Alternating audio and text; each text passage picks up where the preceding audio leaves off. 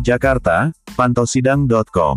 Amanat Pasal 8 Undang-Undang Nomor 19 Tahun 2019 bertujuan agar Komisi Pemberantasan Korupsi (KPK) melakukan koordinasi dengan instansi yang berwenang melakukan pemberantasan tindak pidana korupsi, baik itu Kejaksaan Republik Indonesia maupun Kepolisian Republik Indonesia. Koordinasi tersebut terkait dengan penyelidikan, penyidikan, dan penuntutan. Hal tersebut dikatakan Ketua KPK Firly Bahuri saat melakukan koordinasi dengan jajaran aparat penegak hukum APH Kepolisian Daerah Polda Jambi, Kejaksaan Tinggi Kejati Jambi, dan perwakilan Badan Pengawasan Keuangan dan Pembangunan BPKP Provinsi Jambi, di kantor Polda Jambi, Selasa, tanggal 28 September tahun 2021. Hadirnya KPK sesuai amanat undang-undang dengan tidak mengenyampingkan aparat penegak hukum lainnya. Jadi jangan sampai ada kesan bahwa KPK mengganggu tugas kepolisian maupun kejaksaan, ujar Ketua KPK Firly Bahuri. Dalam pertemuan tersebut Firly menyampaikan kehadiran KPK dalam rangka melaksanakan tugas dan peran KPK sesuai perintah undang-undang. Kedua, KPK berwenang menetapkan sistem pelaporan dalam kegiatan pemberantasan tindak pidana korupsi. Menurut Firly pasal 8 huruf C, mengimplementasikan tentang kegiatan pemberantasan tindak pidana korupsi. Kami KPK, kata Firly, selalu bekerja sama dengan kejaksaan dalam rangka penyelidikan, penyidikan dan penuntutan.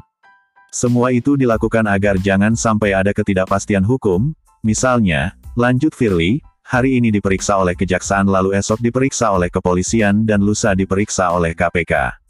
Itu tidak boleh terjadi, tegas Firly. Firly menambahkan untuk menghindari hal tersebut, KPK menyusun dan menetapkan sistem pelaporan dalam kegiatan pemberantasan tindak pidana korupsi dalam wujud ISPDP. Berikutnya, KPK juga melaksanakan dengar pendapat dengan instansi yang berwenang dalam pemberantasan tindak pidana korupsi sesuai dengan pasal 8 huruf DUU nomor 19 tahun 2019. Salah satunya, kata Ketua KPK, ialah kegiatan rapat koordinasi program pemberantasan korupsi terintegrasi di wilayah Provinsi Jambi, KPK, sambung Firly, juga melakukan supervisi di mana tugasnya diatur dalam pasal 10 yang mengatakan bahwa untuk pelaksanaan supervisi diatur dengan peraturan Presiden Perpres No. 102 tahun 2020 tentang tata cara pelaksanaan supervisi atas penanganan tindak pidana korupsi. Perpres ini mengatur tentang pelaksanaan supervisi. Di antaranya, yaitu melakukan pengawasan, melakukan penelitian, dan melakukan penelaahan. Dan, ada ketentuan dalam pasal 9 tentang pembiayaan setiap perkara yang telah dinyatakan sebagai perkara TPK yang dilakukan supervisi oleh KPK. Praktik yang dilakukan, kata Firly, bisa saja dengar pendapat, ekspos, ataupun gelar perkara.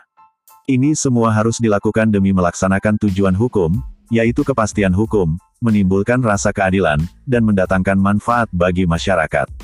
Jadi intinya apa yang dilakukan KPK tidak pernah keluar dari koridor ketentuan-ketentuan perundang-undangan yang berlaku, tutup Firly. Sumber Humas KPK